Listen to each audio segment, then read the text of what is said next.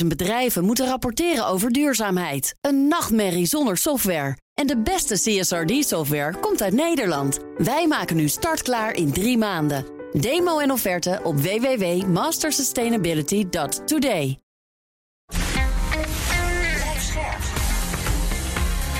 BNR Nieuwsradio. Boekenstein en de Wijk. Hugo Reitsma. Dit is een extra uitzending van Boekenstein en de Wijk in verband met de oorlog in Oekraïne en de crisis met Rusland. Het is zaterdag, dag 87 van de invasie. Arjan. Nou ja, laten we maar beginnen met uh, de Azovstal plant. Hè? Mariupol zitten we dan. Rusland zegt dat ze nu totale controle hebben. Uh, ze zeggen dat vrijdag de laatste 500 uh, gevangenen zich hebben overgegeven. Uh, Oekraïne bevestigt dat overigens niet, maar ik denk dat het wel een beetje waar is. Rusland wordt ervan beschuldigd dat ze het totaal een beetje hoog inschatten, namelijk 2400, omdat ze dan een wat gunstigere swapkoers. Hè, dus als ze gevangenenruil willen gaan, dan kunnen ze dat beter doen. Hè. Maar goed. maar, maar het Rode Kruis, Jan, heeft er maar ja. enkele honderden geregistreerd. Hè? Ja. En dat getal van ruim 2400 komt bij Shokui vandaan, de minister van, uh, van Defensie.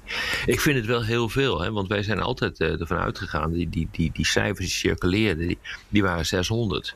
Ja. Uh, voor zover ik me nog kan herinneren. Dat, nou, dat getal hebben wij behoorlijk wat keren genoemd. Als ik naar het Rode Kruis kijk, dan blijkt dat wel ongeveer te kloppen. En Shokoi, uh, ja, dat zou me niet verbazen als hij aan het overdrijven is. Maar ja, aan de ja, andere kant, je weet het niet hè. En waar ik me grote zorgen over maak... Je, je, we hebben die jongens zien uh, stappen in een bus hè, met foto's. Mm. Uh, en die zijn dus gewoon naar een strafkamp uh, gebracht in mm. Russisch gebied. En er wordt natuurlijk gesproken over show trials. En, want Zelensky zei een week geleden van... ja, er zijn hele hoge mensen van buiten erbij... om ervoor te zorgen dat het allemaal goed gaat. Maar ik weet helemaal niet of het wel goed gaat met die jongens. Mm -hmm, ja? -hmm. Nou, verder is... Rusland heeft een, gebombardeerd een wapendepot ten noordwesten van Kiev, mm -hmm. bij het dorpje Malin. Mm -hmm. uh, is, wordt niet bevestigd door Oekraïne. En er is een bom op een Oekraïns Special Operation Training Base bij Odessa gevallen, wordt ook niet bevestigd. Jawel, dat wordt wel bevestigd. Dan zijn een aantal mensen uh, uh, verwond doorgeraakt. Mm -hmm. En in de Donbass is sprake van slechts incrementele winst. Ja, maar niet onbelangrijk hoor. Nou ja, kijk, weet je wat er gebeurt bij, uh, bij Kharkiv? Dat is toch wel belangrijk om dat even te zeggen. Daar, daar is men zich aan het herpositioneren en daar consolideert men ook hè, ten noorden van Kharkiv. Dus het is niet zo uh, dat uh, de Oekraïners het voor elkaar hebben gekregen om het hele grensgebied naar Rusland onder controle te krijgen. Hm. Als je ook op de kaart kijkt op dit ogenblik naar de posities, de slagorde zoals dat in het jargon heet, dan zitten die Russen nog steeds en zijn ze aan het aan het consolideren.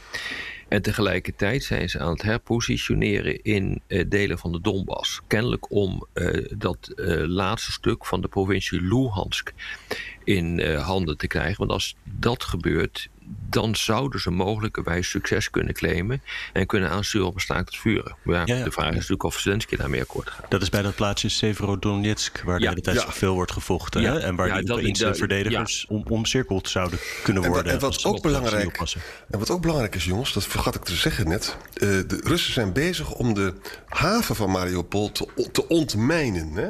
De mijnen die je zelf hebt neergelegd, heb je zelf ook last van. En dat betekent, denk ik me nu, dat je dus ook vanuit zee veel makkelijker de Donbass kan bestoken. Ja, dat hangt er natuurlijk vanaf hoe ver die uh, mijnen uit de kusten liggen. Maar een ding uh, dat zeker is, is dat je dus nu de haven ook voor Russisch gebruik kunt inrichten. En dat is niet onbelangrijk. Ja, ja. Nou, dan hebben we. Uh, Zelensky is nog steeds maximalistisch. Hè, een ja. running team voor onze podcast. Hij vindt dat alle Russen, Russische troepen uh, weg moeten gaan. Uh, hij zegt ook: Ik heb elf aanvallen in de Donbass heb ik afgeslagen. Ja, dat zegt niks, hè? Nee, ik heb acht tanks vernietigd en andere ja. uh, zeg maar gevechts. Uh, ook auto's. dat zegt niks. Ook dat zegt niks. Ja. Zeker niet in het licht van wat ik net heb gezegd. Hè? Ja. Die consolidatie rond Kharkiv en die herpositionering in de Donbass zelf, land Severodonetsk. En wat dus heel belangrijk is, en daar hebben we het in de podcast vaak over gehad. Ik kom nu even op voor de luisteraar in Zaltbommel. Wat trouwens een leuke stad is. Dus dat is een hele leuke stad. Ja. Zelensky is dus maximalistisch. Hè? Die, die zegt uh, om allerlei redenen die ook heel begrijpelijk zijn... ze moeten er helemaal uit. We hebben zelf geconstateerd dat al een week lang... de Amerikanen en ook de Britten een beetje aan het terugroeien zijn. Dat ze ook eigenlijk op een staakt het vuren willen aansturen. En wat ik dus ontzettend interessant vind... Hoe dit nou in de komende weken en maanden gaat. Hè? Ja. Je zou misschien kunnen voorspellen... omdat het de Russen natuurlijk toch taaier zijn dan uh, veel mensen denken... dat Zelensky gaat draaien in de komende weken. Ja, ik, ik denk dat uh, een, een, een, plausibel scenario... maar dat hangt al een hele tijd voor, uh, boven de markt... is staakt het vuren, afgekondigd door Rusland. althans, gevraagd door Rusland... als ze een groot deel van de Donbass in bezit hebben... ze zijn nu ook aan het consolideren aan de zuidkust dan zou je verwachten, gezien uh, de capaciteiten die ze hebben en niet hebben, uh, dat je er dan even mee ophoudt. Maar dan is de grote vraag wat Zelensky gaat, uh, gaat doen. Dus je zou een situatie kunnen krijgen waarin Rusland gaat voorstellen tot een staakt het vuren en Zelensky dat niet gaat doen. Exact. Ik denk dat dat een, dat dat een, een redelijk, hm. een redelijk plausibel scenario is. Ten meer omdat Zelensky weet dat de grote hoeveelheden wapens nu aankomen. Maar ik exact. zie Zelensky desondanks niet 1300 kilometer grensgebied terug veroveren. Nee, en bovendien ik zie gaat, dat gewoon niet gebeuren. En, en Poetin zegt dan van het is onderdeel van Rusland en de nucleaire garantie geldt ja. ook voor ja. dat gebied. Ja. En dat, is, dat kan die waarmaken. En dat is natuurlijk voor Zelensky echt een reden om nou, te gaan praten. Ja, ja absoluut. Dat, dat, dat, dat is echt een heel plausibel scenario wat we nu beschrijven. Ja. Glazen bol hebben we niet. Kennis van nu. Moet je er altijd bij zeggen. Want anders krijgen we dat weer van jullie hebben gezegd dat. Nee, kennis van nu, geen glazen bol. Precies. Er komt weer een poging aan uh, om pontons over Russische pontons, dus over die beroemde rivier de Seversky Donets te leggen. Je weet, de vorige keer is dat in een slachtpartij Ja. geëindigd. Hè, waarbij Nogal. de Oekraïners op een geweldige manier eh, allemaal tanks, een hele bataljon hebben ze eh, eh, afgeslagen. En, eh, of vernietigd zelfs. En ik ben dus ook heel benieuwd hoe dat gaat eh, lopen. Nou, dat is toch wel interessant hoor. Want eh, daar hebben we het nog niet eens over gehad. Maar dat eh, heeft de afgelopen anderhalve weken gespeeld. Er zijn dus ook gewoon nu generaals ontslagen. Hè? Ja. En niet één. Maar bijvoorbeeld eh, in verband met eh, het echec in de Donbass... is eh, luitenant-generaal Kiesel ontslagen. Ehm, en eh, in verband met die Moskwa, die, dat schip dat tot zinken is gebracht, is eh, vice-admiraal Osipov ontslagen. Of op het non- non-actief gezet. Daar verschillende berichten wat over. Maar in ieder geval voeren ze zijn taak niet meer uit. En daaraan gekoppeld, en dan zie je dus echt, en dat is echt wel cruciaal hoor, hoe problematisch eh, de opmars van Rusland is in de Donbass, is dat. Nou, we hebben het er al over gehad dat Gerasimov, de hoogste militair, naar de Donbass is afgereisd om orde op zaken te stellen. Nou, als ik nu gewoon kijk wat daar gebeurt, is er niet heel veel eh, vordering eh, gemaakt. Maar er zijn nu ook berichten dat zowel Gerasimov als Poetin zich bezighouden met de tactische uitvoering in de Donbass. Ja. Die geven daar aanwijzing voor. Als je dat doet, dan ben je eigenlijk gewoon geschift. om het maar zo te zeggen. Ik bedoel, druk het wat hard uit, maar dat is, dat is ook zo. Want dat duidt gewoon op een geweldig probleem. Dat duidt op incompetentie van je militairen. En een totaal ge- gebrek aan vertrouwen van het strategisch niveau in het Kremlin. Want daar horen die mensen te zitten en te blijven. Die horen zich niet te bemoeien met de uitvoering. Die geven een aanwijzing. Je hebt competente eh, uitvoerders nodig. eh, en die winnen of verliezen uiteindelijk afhankelijk van de doelstellingen die door Gerasimov en Poetin Ja, en ja. Shogoi worden gesteld. Dus het is zeer, zeer ongebruikelijk wat hier eh, gebeurt. En dat duidt er gewoon op dat het gewoon niet goed gaat. En dat zijn hele kleine dingen. Waar je als eh, toch wel specialist op het gebied van militaire zaken heel goed naar moet kijken. Want dit kan zo niet. Dit is echt heel bijzonder wat hier gebeurt. Want je kan namelijk niet vanuit een centraal punt een oorlog leiden. Je moet dus Nee. ook de mensen op de grond moeten improvisatieruimte hebben. Hè? Ja, klopt. Je moet dus een opdracht geven die dus in wezen wordt uitgevoerd eh, door je ondergeschikte. Maar op het moment dat je gaat bemoeien eh, met, met de uitvoering. En je gaat zeggen van nee, die tank moet 10 meter naar links of naar rechts staan. Ja, ja. Zoiets. Dan ben je weg. En dat, ik, ik heb het wel eens meegemaakt eh, van, van, van, neer, van, van zeer nabij dat dat gebeurde. Toen hebben de militairen gezegd van meneer, meneer de minister, wegwezen. Die gaat er niet over.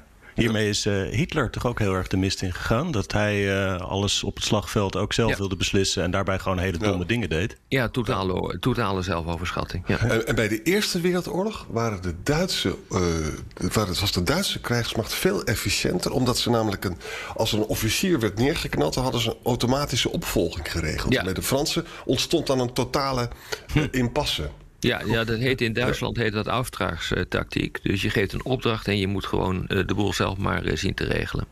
Mission orders in het Engels. En dat, dat werkt goed. Maar op het moment dat je dus echt uh, van boven naar beneden de zaak compleet onder controle wil hebben, dan uh, dat, dat is een recept voor een ramp. Ja.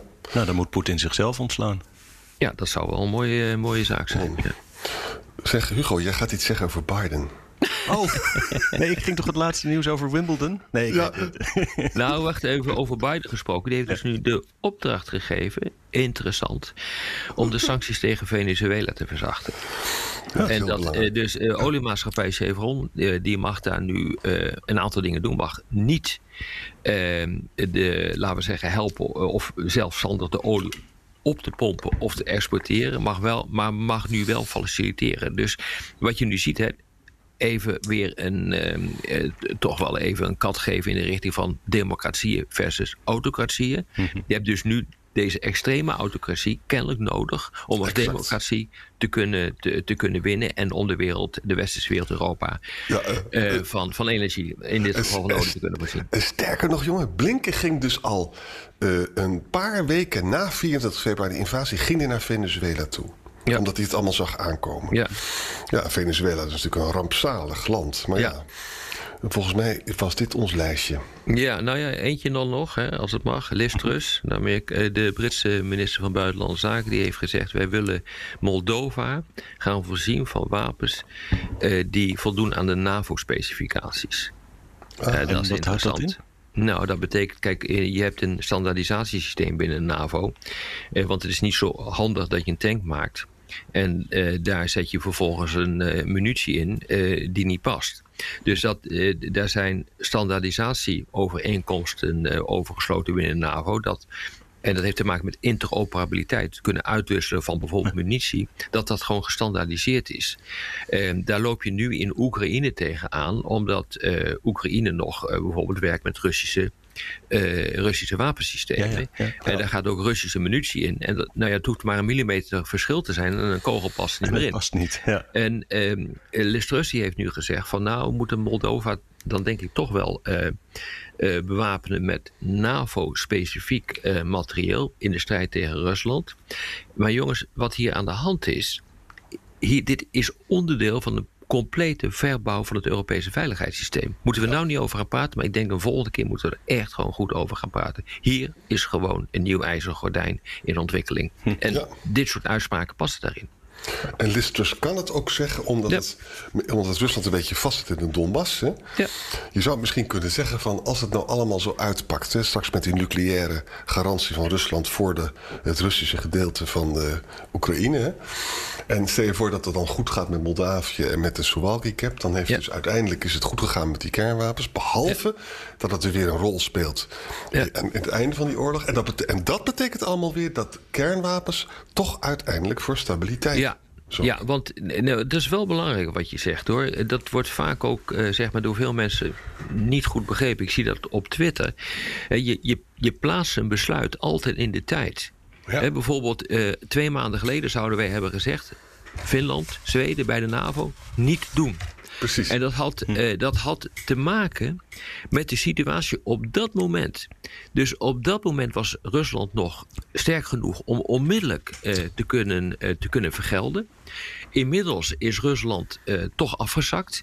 En dus maak je gebruik van die, van die afzakker, om het maar zo te zeggen, om zo'n besluit er doorheen te rammen. En dat, dat zien we gewoon continu in deze oorlog. Hè. Dus je moet elk besluit moet je continu plaatsen in de, in de context van dat moment. Exact, exact. We zien elkaar morgen. Ik denk het ook. Vast wel.